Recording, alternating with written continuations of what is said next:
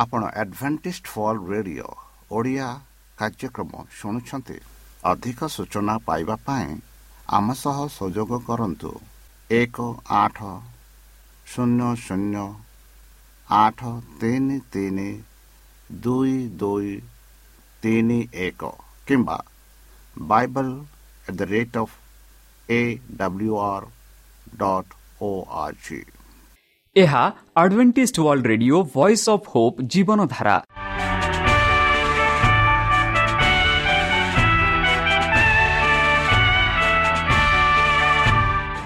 Odia radio କାର୍ଯ୍ୟକ୍ରମ ଯାହା ଆମର ଆନ୍ତର୍ଜାତୀୟ ଆଘାତ କେନ୍ଦ୍ରରୁ ପ୍ରସାରଣ କରାଯାଉଛି ପ୍ରତିଦିନ ରାତି ନଅଟା ତିରିଶ ମିନିଟ୍ରେ। ମୁଁ ସୁବ୍ରତ କୁମାର ପତି ପ୍ରେମର ସହ ଆପଣମାନଙ୍କୁ ଏହି କାର୍ଯ୍ୟକ୍ରମକୁ ସ୍ୱାଗତ କରୁଅଛି। ଚାଲନ୍ତୁ ଆଜିର ତିରିଶ ମିନିଟ୍ର କାର୍ଯ୍ୟକ୍ରମ ବିଷୟରେ ଜାଣିନେବା। ପ୍ରଥମେ ରଖିଛୁ ଆଧ୍ୟାତ୍ମିକ ଭକ୍ତିମୟ ଗୀତ। ଏହାପରେ ଶୁଣିବା ସ୍ୱାସ୍ଥ୍ୟ ବିଷୟରେ ଭକ୍ତଙ୍କଠାରୁ ଜୀବନଦାୟକ ଈଶ୍ୱରଙ୍କ ବାକ୍ୟ। ପ୍ରିୟ ଶ୍ରୋତା ତାହେଲେ ଚାଲନ୍ତୁ ଶୁଣିବା ଏକ ଆଧ୍ୟାତ୍ମିକ ଭକ୍ତିମୟ ଗୀତ।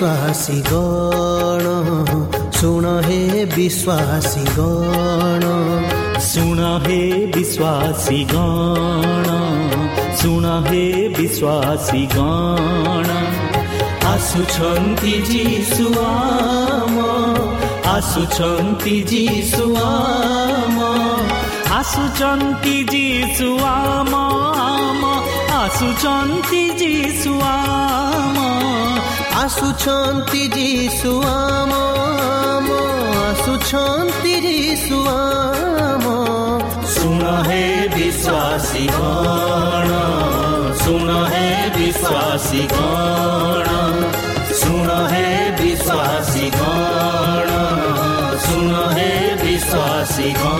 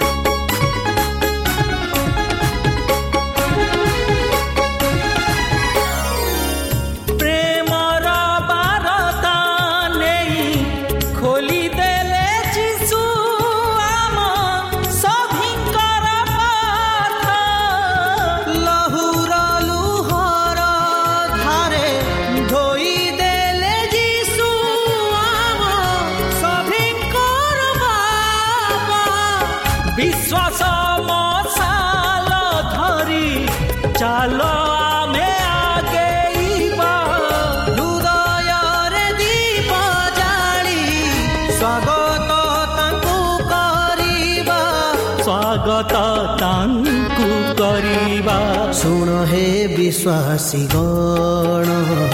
ଶୁଣ ହେ ବିଶ୍ୱାସୀ ଗଣ। ଆସୁଛନ୍ତି ଯୀଶୁ ଆମ। ଆସୁଛନ୍ତି ଯୀଶୁ ଆମ। ଆସୁଛନ୍ତି ଆମ ଆମ।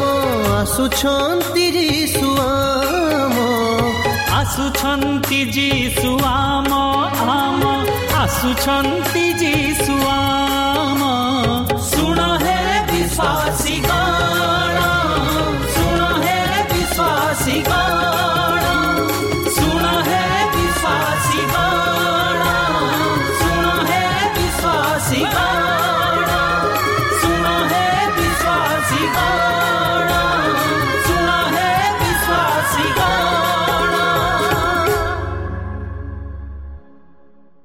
ଆମ ଠିକଣା Adventist media centre SDA mission compound Salisbury park Pune ଚାରି ଏକ ଏକ ଶୂନ ତିନି ସାତ ମହାରାଷ୍ଟ୍ର ବା ଖୋଲନ୍ତୁ ଆମର ୱେବସାଇଟ୍ ଯେକୌଣସି android phone smartphone desktop laptop କିମ୍ବା ଟାବ୍ଲେଟ୍ ଆମର website W W W dot A W R dot O R G slash O R I ବର୍ତ୍ତମାନ ଚାଲନ୍ତୁ ଶୁଣିବା ଈଶ୍ୱରଙ୍କ ଭକ୍ତଙ୍କଠାରୁ ଈଶ୍ୱରଙ୍କ ଜୀବନଦାୟକ ବାକ୍ୟ ମୃତ୍ୟୁମାନେ ପ୍ରକୃତରେ ମୃତ୍ୟୁ କି ଭାଗ ତିନି ନମସ୍କାର ପ୍ରିୟ ଶ୍ରୋତା ସେହି ସର୍ବଶକ୍ତି ସର୍ବଜ୍ଞାନୀ ପ୍ରେମର ସାଗର ଦୟାମୟ ଅନ୍ତର୍ଜମୀ ଅନୁଗ୍ରହ ପରମ ପିତାଙ୍କ ମଧୁର ନାମରେ ମୁଁ ପାଷ୍ଟ ପୂର୍ଣ୍ଣଚନ୍ଦ୍ର ଆଉ ଥରେ ଆପଣମାନଙ୍କୁ ଏହି କାର୍ଯ୍ୟକ୍ରମରେ ସ୍ୱାଗତ କରୁଅଛି।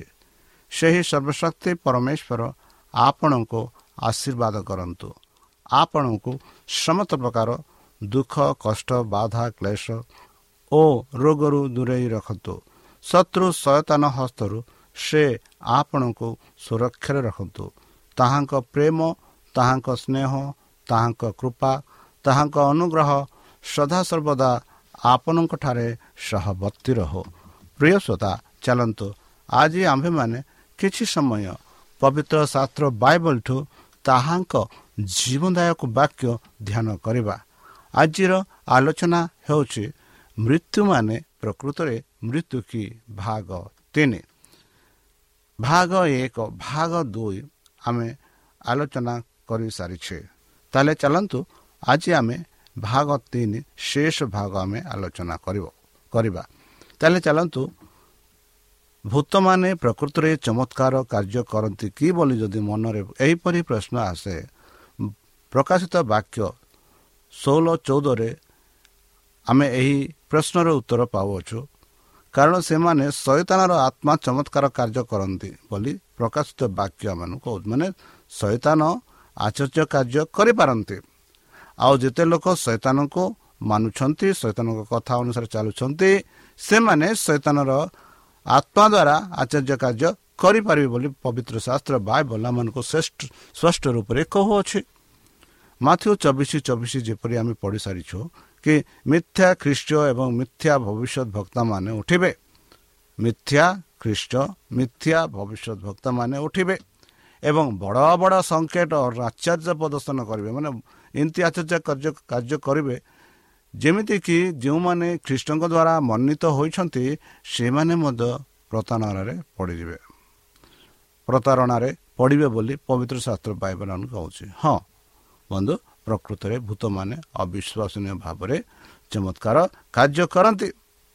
ଶୈତାନ ଆଲୋକର ଦୂତ ଭାବରେ ଲେଖାଯାଇଅଛି ତା ଛଡ଼ା ଏବଂ ଆହୁରି ଆଶ୍ଚର୍ଯ୍ୟଜନକ ଖ୍ରୀଷ୍ଟ ନିଜେ ଯେପରିକି ମାଥ୍ୟୁ ଚବିଶ ତେଇଶ ଚବିଶ ଦେଖିବା ସର୍ବଭାରତୀୟ ଅନୁବୋଧ ହେବ ଯେ ଖ୍ରୀଷ୍ଟ ଏବଂ ତାଙ୍କ ମୃତ୍ୟୁମାନେ ଏକ ଚମତ୍କାର ବିଶ୍ୱବ୍ୟାପୀ ପୁନର୍ଜୀବନରେ ଆଗେଇ ଆସୁଛନ୍ତି ବୋଲି ସମଗ୍ର ଗୁରୁତ୍ୱ ଏତେ ଆଧ୍ୟାତ୍ମିକ ଦେଖାଯିବ ଏବଂ ଏତେ ଆଲୋକିତ ହେବ ଯେ କେବଳ ଈଶ୍ୱରଙ୍କ ମନୋନୀତ ବ୍ୟକ୍ତି ପ୍ରତାରିତ ହେବେ ନାହିଁ ବୋଲି ଆମେ ଦେଖୁଅଛୁ ବନ୍ଧୁ ତାହେଲେ ଈଶ୍ୱରଙ୍କ ଲୋକମାନେ କାହିଁକି ପ୍ରତାରିତ ହେଁ କାହିଁକି ଅନ୍ୟ ଲୋକ ପ୍ରତାରିତ ହେବେ ଆଉ ଈଶ୍ୱରଙ୍କ ଲୋକ ପ୍ରତାରିତ ହେବେ ନାହିଁ ପ୍ରକାଶିତ ପ୍ରେରିତ ସତର ଏଗାରରେ ଆମେ ଦେଖୁଛୁ ସେମାନେ ସମସ୍ତ ପ୍ରସ୍ତୁତି ସହିତ ଏହି ଶବ୍ଦ ଗ୍ରହଣ କଲେ ଏବଂ ଏହିସବୁ ଘଟଣା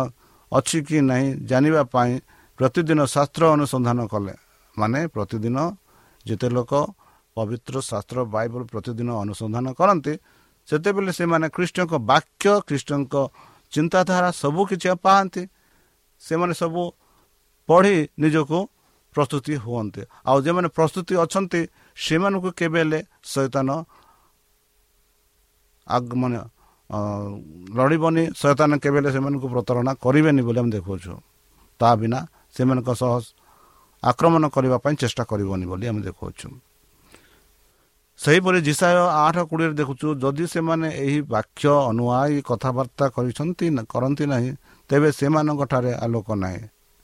ବନ୍ଧୁ ପବିତ୍ର ଶାସ୍ତ୍ର ବାଇବଲରେ ଯାହା ଯାହା ଦେଖାଯାଇଛି ଲେଖାଯାଇଛି ସେ ବାକ୍ୟ ଅନୁସାରେ ଯଦି ଖ୍ରୀଷ୍ଟିଆନ ମାନେ କୁହନ୍ତି ନାହିଁ ପବିତ୍ର ଶାସ୍ତ୍ର ଅନୁସାରେ ସେମାନେ ଯଦି ଚାଲୁନାହାନ୍ତି ଆଦି ପୁସ୍ତକଠୁ ପ୍ରକାଶିତ ପୁସ୍ତକରେ ଯେଉଁ ବାକ୍ୟ ପରମେଶ୍ୱରଙ୍କ ବାକ୍ୟ ଅଛି ତାକୁ ମାନୁନାହାନ୍ତି ତାହେଲେ ସେମାନେ କିଏ? ସେମାନେ ଅଛନ୍ତି ମିଥ୍ୟା ଖ୍ରୀଷ୍ଟିଆନ ମିଥ୍ୟ ଭବିଷ୍ୟତ ଭକ୍ତା। କାହିଁକି? ବାଇବଲ ଆମକୁ ଷଷ୍ଠ ରୂପରେ କହୁଛି କି ଯଦି ସେମାନେ ଏହି ବାକ୍ୟ ନୁଆଇ କଥାବାର୍ତ୍ତା କରନ୍ତି ନାହିଁ ମାନେ ସେ ବାକ୍ୟ କ'ଣ? ପରମେଶ୍ୱରଙ୍କ ବାକ୍ୟ ନୁଆଇ ଯଦି ସେମାନେ କଥାବାର୍ତ୍ତା କରନ୍ତି ନାହିଁ ତାହେଲେ ସେମାନଙ୍କଠାରେ କ'ଣ ନାହିଁ? ସେଇ ଆଲୋକ ନାହିଁ ପରମେଶ୍ୱରଙ୍କ ଆଶୀର୍ବାଦ ନାହିଁ ଯେହେତୁ ସେମାନେ ମିଥ୍ୟ ଖ୍ରୀଷ୍ଟିଆନ ମାନେ ବୋଲି। ବନ୍ଧୁ ଈଶ୍ୱରଙ୍କ ଲୋକମାନେ ତାଙ୍କ ପୁସ୍ତକ ଅଧ୍ୟୟନକୁ ଜାଣିବେ ଯେ ମୃତ୍ୟୁମାନେ ଜୀବିତ ନୁହନ୍ତି। ସେମାନେ ଜାଣିବେ ଯେ ଜଣେ ଆତ୍ମା ଜଣେ ମୃତ୍ୟୁ ପ୍ରତି ପ୍ରିୟ ବ୍ୟକ୍ତି ବୋଲି ଦାବି କରିବା ପ୍ରକୃତରେ ଏକ ଶୈତାନର ଈଶ୍ୱରଙ୍କ ଲୋକମାନଙ୍କ ସମସ୍ତ ଶିକ୍ଷକ ଏବଂ ଚମତ୍କାର ଚମତ୍କାର କର୍ମୀକୁ ପ୍ରତ୍ୟାଖ୍ୟାନ କରିବେ। ଯେଉଁମାନେ ମୃତ୍ୟୁ ଯାହାକି ଆତ୍ମା ସହିତ ଯୋଗାଯୋଗ କରି ସ୍ୱତନ୍ତ୍ର ଆଲୋକ ପାଇବାକୁ କିମ୍ବା ଚମତ୍କାର କାର୍ଯ୍ୟ କରିବାକୁ ଦାବି କରନ୍ତି ଏବଂ ଈଶ୍ୱରଙ୍କ ଲୋକମାନଙ୍କ ମଧ୍ୟ ସମସ୍ତ ଶିକ୍ଷାକୁ ବିପଦଜନକ ଏବଂ ମିଥ୍ୟା ଭାବରେ ପ୍ରତ୍ୟାଖ୍ୟାନ କରିବେ ଯାହା ମୃତ୍ୟୁମାନେ ରୂପରେ ଯେକୌଣସି ସ୍ଥାନରେ ଜୀବନ୍ତ ବୋଲି ଦାବି କରନ୍ତି। ବନ୍ଧୁ ପରମେଶ୍ୱର ଜୀବିତ ଈଶ୍ୱର। ଆଉ ସେ ଜୀବିତ ଈଶ୍ୱରରେ ଆମେ କେବେ ହେଲେ ମିଛ ପାଇବା ନାହିଁ। ଯେପରିକି ମଉସାଙ୍କ ସମୟରେ ଯେଉଁମାନେ ମୃତ୍ୟୁ ବୋଲି ଜୀବିତ ଥିବା ଲୋକଙ୍କୁ ଶିକ୍ଷା ଦେବା ପାଇଁ ଈଶ୍ୱର କ'ଣ ଆଦେଶ କରିବା ଉଚିତ ବୋଲି କହିଲେ ମଉସାଙ୍କ ସମୟରେ ଯଦି ଜଣେ ଲୋକେ ସେଇ ଯେଉଁ ମୃତ୍ୟୁ ଲୋକ ଜୀବିତ ବୋଲି ଯେଉଁମାନେ ଶିକ୍ଷା କରିଥିଲେ ସେମାନଙ୍କୁ କ'ଣ କରିବାର ଅଛି ବୋଲି ଆମେ ଦେଖାଉଛୁ ପବିତ୍ର ଶାସ୍ତ୍ର ବାଇବଲରେ କି ମଉସାଙ୍କ ଦ୍ୱାରା ପରମେଶ୍ୱର କହିଲେ ଜଣେ ପୁରୁଷ କିମ୍ବା ସ୍ତ୍ରୀ ଯିଏ ମଧ୍ୟମ କିମ୍ବା ପରିଚିତ ଆତ୍ମା ଅଛି ନିଶ୍ଚିତ ଭାବରେ ତାକୁ ହତ୍ୟା କରାଯିବ। ଯେ ଜଣେ ପୁରୁଷ ବା ସ୍ତ୍ରୀ ଜଣେ ଏହିପରି କହିବ କି ପରିଚିତ ଆତ୍ମା ଅଛି ବୋଲି କହିବ ତାକୁ କ'ଣ କରାଯିବ? ତାକୁ ହତ୍ୟା କରାଯିବ। ଆଉ ତାକୁ କିପରି ହତ୍ୟା କରାଯିବ? ସେମାନେ ସେମାନଙ୍କୁ ପଥରେ ପଥରରେ ପଥର ମାରିବେ। ମାନେ ପଥର ମାରି ସେମାନଙ୍କୁ ହତ୍ୟା କରାଯିବ ବୋଲି ପରମେଶ୍ୱର ଆପଣା ଦାସ ମଶାକୁ ଦ୍ୱାରା ଏହିପରି କଥା କହିଛନ୍ତି। ତାହେଲେ ଆଜିକାଲି ଯେତେ ଯାଦୁକାରୀମାନେ ଅଛନ୍ତି ଯେତେ ଶୈତାନର କାର୍ଯ୍ୟ କରିଛନ୍ତି ସେମାନେ କ'ଣ? ଆମେ ପଥର ଦ୍ୱାରା ମାରିବାର ଅଛି ଯେଉଁମାନେ ଶୈତାନର କାର୍ଯ୍ୟ କରୁଛନ୍ତି ସେମାନଙ୍କୁ ପଥର ଦ୍ୱାରା ମରାଯିବାର ଅଛି ବୋଲି ପବିତ୍ର ଶାସ୍ତ୍ର ବାଇବଲ କହୁଅଛି। ଈଶ୍ୱର କହିଥିଲେ ଯେ ମଧ୍ୟମ ଏବଂ ଅନ୍ୟମାନେ ପରିଚିତ ଆତ୍ମା ଯେପରିକି ଯେଉଁମାନେ ମୃତ୍ୟୁମାନଙ୍କ ସହିତ ଯୋଗାଯୋଗ କରିବାକୁ ସମର୍ଥ ବୋଲି ଦାବି କରନ୍ତି ସେମାନେ ସେମାନଙ୍କୁ ପଥରରେ ଛେତି ଛେଚି ହତ୍ୟା କରିବା ଉଚିତ। ମୃତ୍ୟୁମାନେ ଜୀବିତ ଥିବା ମିଥ୍ୟା ଶିକ୍ଷାକୁ ଈଶ୍ୱରଙ୍କ କିପରି ସମ୍ମାନ କରନ୍ତି ତାହା ଏକ ଦର୍ଶାଏ। ବନ୍ଧୁ ତାହେଲେ ପୁନରୁତ୍ଥାନର ପୁନର୍ଥିତ ଧାର୍ମିକ ଲୋକମାନେ ପୁନର୍ବାର ମରିବେ କି? ଯେବେ ଯେପରିକି ଆମେ ପୁନରୁତ୍ଥାନ ବିଷୟରେ ଆମେ ଆଲୋଚନା କରୁଛେ କି ଯେତେ ଲୋକ ପୁନରୁତ୍ଥିତ ହୋଇଛନ୍ତି ଆଉ ସେ ଲୋକମାନେ ଆଉ ଥରେ ମରଣ ହେବେ କି? ନା ସେମାନେ ମରଣ ହେବେ ନାହିଁ। ଯେପରି ଲୋକ କୋଡ଼ିଏ ପତିରିଶ ଛତିଶ ଦେଖୁଛୁ ଯେଉଁମାନେ ସେହି ବୟସ ହାସଲ କରିବାକୁ ଯୋଗ୍ୟ ବିବେଚିତ ହୁଅ ଏବଂ ମୃତ୍ୟୁମାନଙ୍କ ମଧ୍ୟରୁ ପୁନରୁତ୍ଥ କିମ୍ବା ସେମାନେ ଆଉ ମରିପାରିବେ ନାହିଁ। ସେମାନେ ଆଉ ମରିପାରିବେ ନାହିଁ। ସେମାନେ ଜୀବିତ ଅଛନ୍ତି ସଦାସର୍ବଦା ଜୀବିତ ଥିବେ। ସେମାନେ ଅମର ପ୍ରଦାନ କରିଛନ୍ତି ପରମେଶ୍ୱର ସେମାନଙ୍କୁ ଅମର ପ୍ରଦାନ କରିଛନ୍ତି। ଆଉ ସେମାନେ କେବେ ହେଲେ ମୃତ୍ୟୁ ସମ୍ମୁଖୀନ କରିବେନି କେବେ ହେଲେ ମୃତ୍ୟୁ କରିବେନି। ଆଉ ସେମାନେ ଧାର୍ମିକ ଜୀବନରେ ଯାପନ କରିବେ ବୋଲି ଆମେ ଦେଖାଉଛୁ। ଆଉ କେଉଁଠି ସେ ଧାର୍ମିକ ଜୀବନ ସେମାନେ ଯାପନ କରିବେ? ସେହି ସଦାପ୍ରଭୁ ପରମେଶ୍ୱରଙ୍କ ସହ ସେ ସ୍ୱର୍ଗ ରାଜ୍ୟରେ ପ୍ରକାଶିତ ବାକ୍ୟ ଏକୋଇଶ ଚାରି ଦେଖୁ ପରମେଶ୍ୱର ସେମାନଙ୍କ ଆଖିରୁ ସମସ୍ତ ଲୁହ ପୋଛି ଦେବେ ଆଉ ମୃତ୍ୟୁ ହେବ ନାହିଁ ଦୁଃଖ କିମ୍ବା କାନ୍ଦିବା ନାହିଁ ଆଉ ଯନ୍ତ୍ରଣା ହେବ ନାହିଁ। କାରଣ ପୂର୍ବ ଜିନିଷ ଗୁଡ଼ିକ ଚାଲିଯାଇଛି। ବନ୍ଧୁ କେଡ଼େ ସୁନ୍ଦର ଭାବରେ ପବିତ୍ର ଶାସ୍ତ୍ର ବାଇବଲ ଆମମାନଙ୍କୁ ଆଶ୍ୱାସନା ଦେଇ କହୁଅଛି କି ଆମ ଆଖିରୁ ଆମ ସମସ୍ତ ଲୁହ ଆମ ଆଖିରୁ ପୋଛା ଦିଆଯିବ। ଏକ ଦୁଇ ମୃତ୍ୟୁ କେବେ ହେଲେ ହେବ ନାହିଁ ମୃତ୍ୟୁ ଆଉ ଥିବ ନାହିଁ। ତିନି ଦୁଃଖ କିମ୍ବା କାନ୍ଦିବା ନାହିଁ। ଦୁଃଖ ଥିବନି କି କାନ୍ଦିବାର ଥିବ ନାହିଁ ଚାରି ଯନ୍ତ୍ରଣା ହେବ ନାହିଁ। ପାଞ୍ଚ ଜିନିଷ ଗୁଡ଼ିକ ଯାହା ପୁରୁଣା ପୂର୍ବ ଜିନିଷ ଗୁଡ଼ାକ ଚାଲିଯିବ ଆମେ ସବୁ ନୂଆ ଥିବ। ଏହିପରି ଜଗତରେ ଆମେ ବାସ କରିବା। ଏହିପରି ଜଗତରେ ଆମେ ବାସ କରିବା। ଯେତେ ଲୋକ ଖ୍ରୀଷ୍ଟଙ୍କଠାରେ ବିଶ୍ୱାସ କରୁଛନ୍ତି ଖ୍ରୀଷ୍ଟଙ୍କ ନାମରେ ବିଶ୍ୱାସ କରି ମୃତ୍ୟୁବରଣ ହେଉଛନ୍ତି ସେମାନେ ଏହିପରି ଲାଭ ପାଇବେ ଈଶ୍ୱରଙ୍କ ସହ ରହିବେ। ମୃତ୍ୟୁ ଦର୍ଶାଏ କାନ୍ଦିବା ଏବଂ ଦୁଃଖଦ ଘଟଣା ଈଶ୍ୱରଙ୍କ ନୂତନ ରାଜ୍ୟରେ ପ୍ରବେଶ କରିବ ନାହିଁ। ଏହିସବୁ କେବେ ହେଲେ ଈଶ୍ୱରଙ୍କ ରାଜ୍ୟରେ ପ୍ରବେଶ କରିବ ନାହିଁ। ଯେତେବେଳେ ଏହି ଦୁର୍ନୀତିଗ୍ରସ୍ତ ଦୁର୍ନୀତିକୁ ପରିଧାନ କଲା ଏବଂ ଏହି ମୃତ୍ୟୁ ଅମରତାକୁ ପରିଧାନ କଲା ସେତେବେଳେ ଲେଖାଟି ଲେଖା ଯାଇଛି ମୃତ୍ୟୁ ବିଜୟ କରି ଗଲା ବୋଲି। ମାନେ ଆଉ ମୃତ୍ୟୁ ଥିବ ନାହିଁ। ଆଉ ମୃତ୍ୟୁବରଣର ନାହିଁ। ପୁନର୍ଜନ୍ମ ଉପରେ ବିଶ୍ୱାସ ଆଜି ଦ୍ରୁତ ଗତିରେ ବୃଦ୍ଧି ପାଉଛି। ଏହି ଶିକ୍ଷା ବାଇବଲରେ ଅଟେ କି? ହଁ ବନ୍ଧୁ ଆଜିକାଲି ଆମେ କହୁ ଏଇ ମୋର ଅଜାର ଜନ୍ମ ଅଜା ଜନ୍ମ ହୋଇଛନ୍ତି ଆଈ ଜନ୍ମ ହୋଇଛନ୍ତି ମୋର କ'ଣ ଏହିପରି କହିଥାଉ। ମାତ୍ର ତାହାକୁ ଆମେ କହୁ ପୁନର୍ଜନ୍ମ। ପୁନର୍ଜନ୍ମ ବାଇବଲ ଏ ବିଷୟରେ କହୁଛି କି ଚାଲନ୍ତୁ ବାଇବଲ ଏହାର ଏହା ବିଷୟରେ କ'ଣ କହୁଛି ଆମେ ଦେଖିବା। ଉପଦେଶ ନଅ ପାଞ୍ଚ ଛଅ। ଜୀବନ୍ତ ମାନେ ଜାଣନ୍ତି ଯେ ସେମାନେ ମରିବେ। ଯେତେ ଲୋକ ବଜିଛନ୍ତି ସେମାନେ ଜାଣିବେ ଯେ ସେମାନେ ମରିବେ। କିନ୍ତୁ ମୃତ୍ୟୁମାନେ କିଛି ଜାଣନ୍ତି ନାହିଁ। ଯେଉଁ ଲୋକ ମୃତ୍ୟୁବରଣ କରୁଛି ସେ କିଛି ଜାଣେ। ସୂର୍ଯ୍ୟଙ୍କ ଅଧୀନରେ କରାଯାଇଥିବା କୌଣସି କାର୍ଯ୍ୟରେ ସେମାନେ କଦାପି ଅଂଶ କରିବେ ନାହିଁ। ମାନେ ସୂର୍ଯ୍ୟଙ୍କ ତଳରେ ଯାହା କାର୍ଯ୍ୟ କରାଯାଉଛି ତାହା ମାନେ ସେଥିରେ ସେମାନେ କଦାପି ଅଂଶ ରହିବେନି। ତାହେଲେ ସେମାନେ କେବେ ପୁନର୍ଜନ୍ମ ନେବେ? ତାର କେବେ ପୁନର୍ଜନ୍ମର ପ୍ରଶ୍ନ ହିଁ ନାହିଁ। ପୃଥିବୀର ପ୍ରାୟ ଅଧା ଲୋକ ପୁନର୍ଜନ୍ମର ବିଶ୍ୱାସ କରନ୍ତି। ଏକଥା ଶିକ୍ଷା ଯେ ଆମ ଆତ୍ମା କଦାପି ମରନ୍ତି ନାହିଁ ବରଂ ପ୍ରତ୍ୟେକ ପରବର୍ତ୍ତୀ ପିଢ଼ି ସହିତ ଏକ ଭିନ୍ନ ଶରୀରରେ କ୍ରମାଗତର ଭାବରେ ପୁନର୍ବାର ଜନ୍ମ ହୁଅନ୍ତି। ଏହି ଶିକ୍ଷା ଶାସ୍ତ୍ରର ବିପରୀତ ଅଟେ ବନ୍ଧୁ।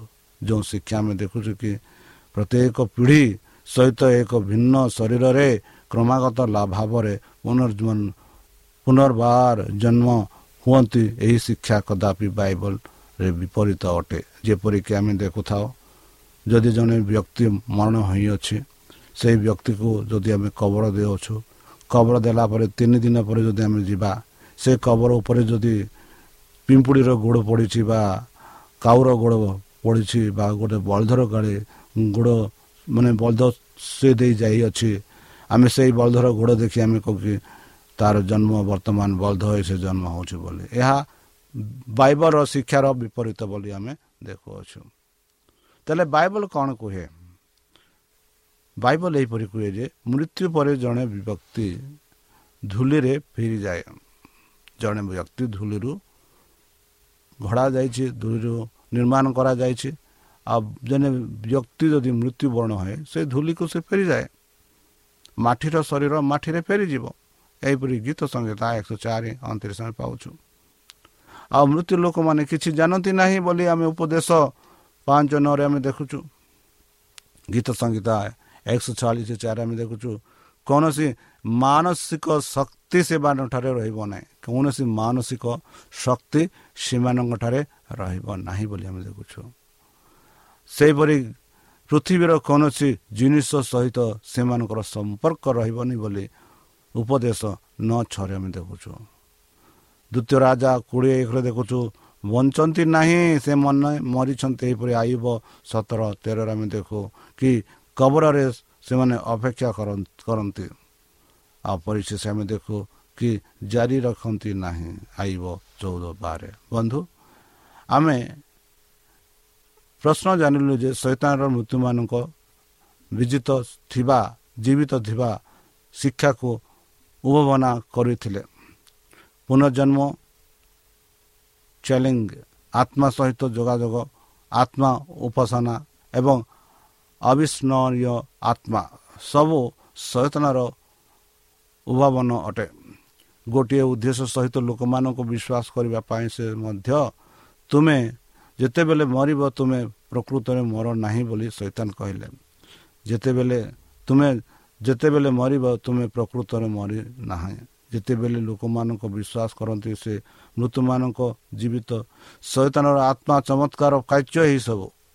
ଏବଂ ମୃତ୍ୟୁମାନଙ୍କର ଆତ୍ମା ଭାବରେ ପରିଚିତ ହେବା ସେମାନଙ୍କୁ ପ୍ରାୟ ଶତ ପରିଚିତ ପ୍ରତାରଣ ଏବଂ ବିପତ୍ତିଗାମୀ କରିବାରେ ସମର୍ଥ ହେବ ମାଥିବ ଚବିଶ ଚବିଶ ଯେପରି ଆମକୁ କହୁଅଛି ତାହେଲେ ବାଇବଲ ପାଇଁ ତୁମେ କୃତଜ୍ଞ କି ଯାହା ଆମକୁ ମୃତ୍ୟୁର ଏହି ସମ୍ବେଦନଶୀଳ ବିଷୟରେ ଆମେ ପାଉଅଛୁ ବନ୍ଧୁ ପ୍ରକୃତରେ ଆମେ ଦେଖୁଛୁ ରବିବାର ସକାଳେ ଯୀଶୁ ମରିୟମକୁ କହିଥିଲେ ମୁଁ ଏପର୍ଯ୍ୟନ୍ତ ମୋ ପିତାଙ୍କ ନିକଟକୁ ଯାଇନାହିଁ। ଜହନ କୋଡ଼ିଏ ସତର।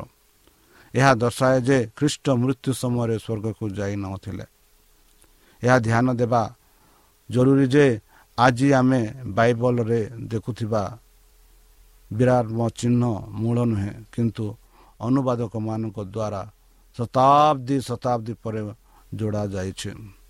ଲୁକ ଚବିଶ ତେୟାଳିଶରେ ଥିବା କମା ପୂର୍ବ ଅପେକ୍ଷା ଆଜି ବାକ୍ୟ ପରେ ଭଲ ଭାବରେ ଦେଖାଯିବା ଯାହାଦ୍ୱାରା ଏହି ଲେଖାଟି ଲେଖା ଅଛି।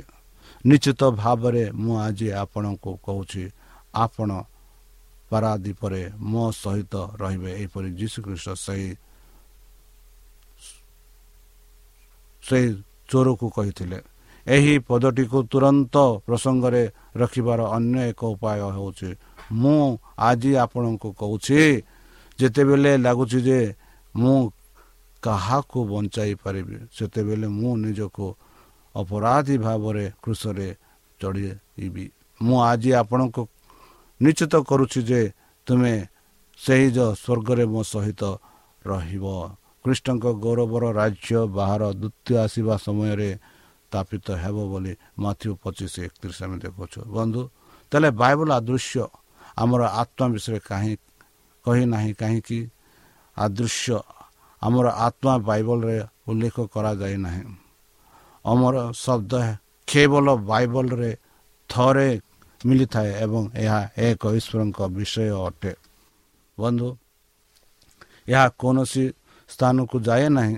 ଏହା ପରିବର୍ତ୍ତେ ଏହା କେବଳ ଅସ୍ତିତ୍ୱ ବନ୍ଦ କରିଦିଏ। ଆତ୍ମା ସୃଷ୍ଟି କରିବା ପାଇଁ ଦୁଇଟି ଜିନିଷକୁ ଏକତ୍ର କରିବା ଆବଶ୍ୟକ ଶରୀର ଏବଂ ନିଶ୍ୱାସ। ଯେତେବେଳେ ନିଶ୍ୱାସ ତ୍ୟାଗ ହୁଏ ଆତ୍ମା ଅସ୍ତିତ୍ୱ ବନ୍ଦ କରିବା କାରଣ ଏହା ଦୁଇଟି ଜିନିଷର ମିଶ୍ରଣ ଅଟେ। ଯେତେବେଳେ ତୁମେ ଏକ ଆଲୋକ ବନ୍ଦ କର ଆଲୋକ କୁଆଡ଼େ ଯାଏ ଏହା କୌଣସି ସ୍ଥାନକୁ ଯାଏ ନାହିଁ। ଏହା କେବଳ ଅସ୍ତିତ୍ୱ ବନ୍ଦ କରିଥାଏ। ଆଲୋକ ତିଆରି କରିବା ପାଇଁ ଦୁଇଟି ଜିନିଷ ଏକତ୍ର ହେବା ଆବଶ୍ୟକ। ଏକ ବଲ୍ବ ଏବଂ ଦୁଇ ବିଦ୍ୟୁତ୍ପ। ମିଶ୍ରଣ ବିନା ଏକ ଆଲୋକ ଅସମ୍ଭବ। ତେଣୁ ଆତ୍ମା ସହିତ ଯଦି ଶରୀର ଏବଂ ନିଶ୍ୱାସ ମିଳିତ ହୁଏ ନୁହେଁ ତେବେ କୌଣସି ପ୍ରାଣ ରହିପାରିବ ନାହିଁ। ଅବିଭକ୍ତ ଆତ୍ମା ଭଳି କୌଣସି ଜିନିଷ ନାହିଁ। ତାହେଲେ ବନ୍ଧୁ ଚାଲନ୍ତୁ। ନିଜକୁ ତାଙ୍କଠାରେ ସମର୍ପଣ କରି। ଯେପରିକି ତାଙ୍କ ବାକ୍ୟ ଅନୁସାରେ ଆମେ ଚାଲିବା ଯେହେତୁ ମୃତ୍ୟୁ ମଣିଷ ଜନ୍ମ ହେଲା ମାତ୍ର ସେ ମୃତ୍ୟୁ ହେବ। ମାତ୍ର ଯିଏ କେହି ସେହି ଯୀଶୁ ଖ୍ରୀଷ୍ଟଙ୍କ ଠାରେ ବିଶ୍ୱାସ କରୁଛି ସେହି ବିଶ୍ୱାସରେ ରହିଅଛି ଆଉ ସେ ବିଶ୍ୱାସ ହେଉଛି କି ଯେବେ ଯୀଶୁ ଖ୍ରୀଷ୍ଟ ଆସିବେ ତାଙ୍କ ସହ ସ୍ୱର୍ଗରାଜକୁ ଯିବେ।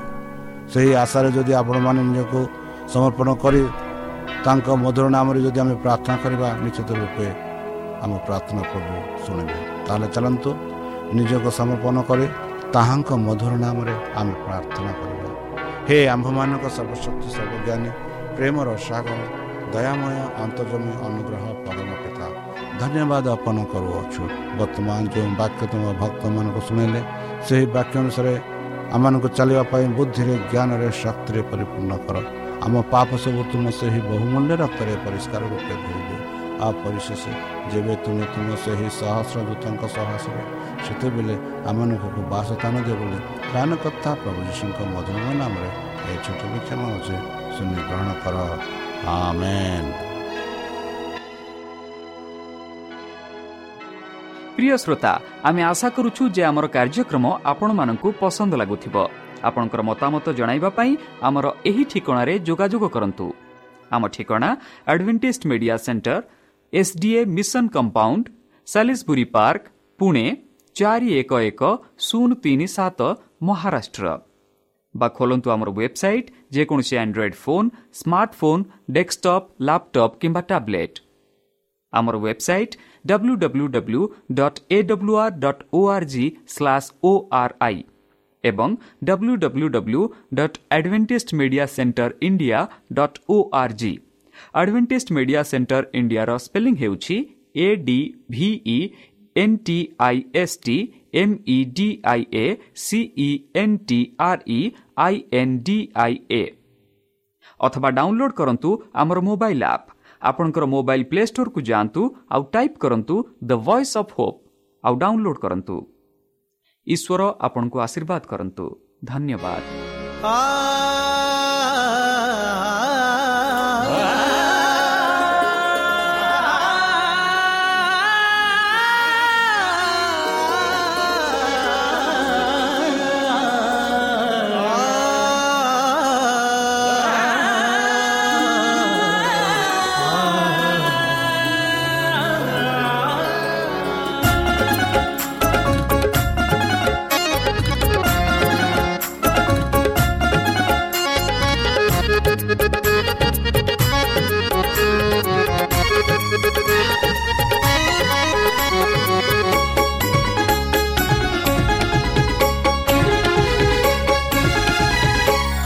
ଶୁଣ ହେ ବିଶ୍ୱାସୀ ଗଣ ଶୁଣ ହେ ବିଶ୍ୱାସୀ ଗଣ ଶୁଣ ହେ ବିଶ୍ୱାସୀ ଗଣ ଶୁଣ ହେ ବିଶ୍ୱାସୀ ଗଣ ଆସୁଛନ୍ତି ଯୀଶୁ ଆମ ଆସୁଛନ୍ତି ଯୀଶୁ ଆମ ଆସୁଛନ୍ତି ଯୀଶୁ ଆମ ଆମ ଆସୁଛନ୍ତି ଯୀଶୁ ଆମ ଆସୁଛନ୍ତି ଯୀଶୁ ଆମ ଆମ ଆସୁଛନ୍ତି ଯୀଶୁ ଆମ ଶୁଣ ହେ ବିଶ୍ୱାସୀ ଗଣ ଶୁଣ ହେ ବିଶ୍ୱାସୀ ଗଣ ଶୁଣ ହେ ବିଶ୍ୱାସୀ ଗଣ ଶୁଣ ହେ ବିଶ୍ୱାସୀ ଗଣ ଆସିବେ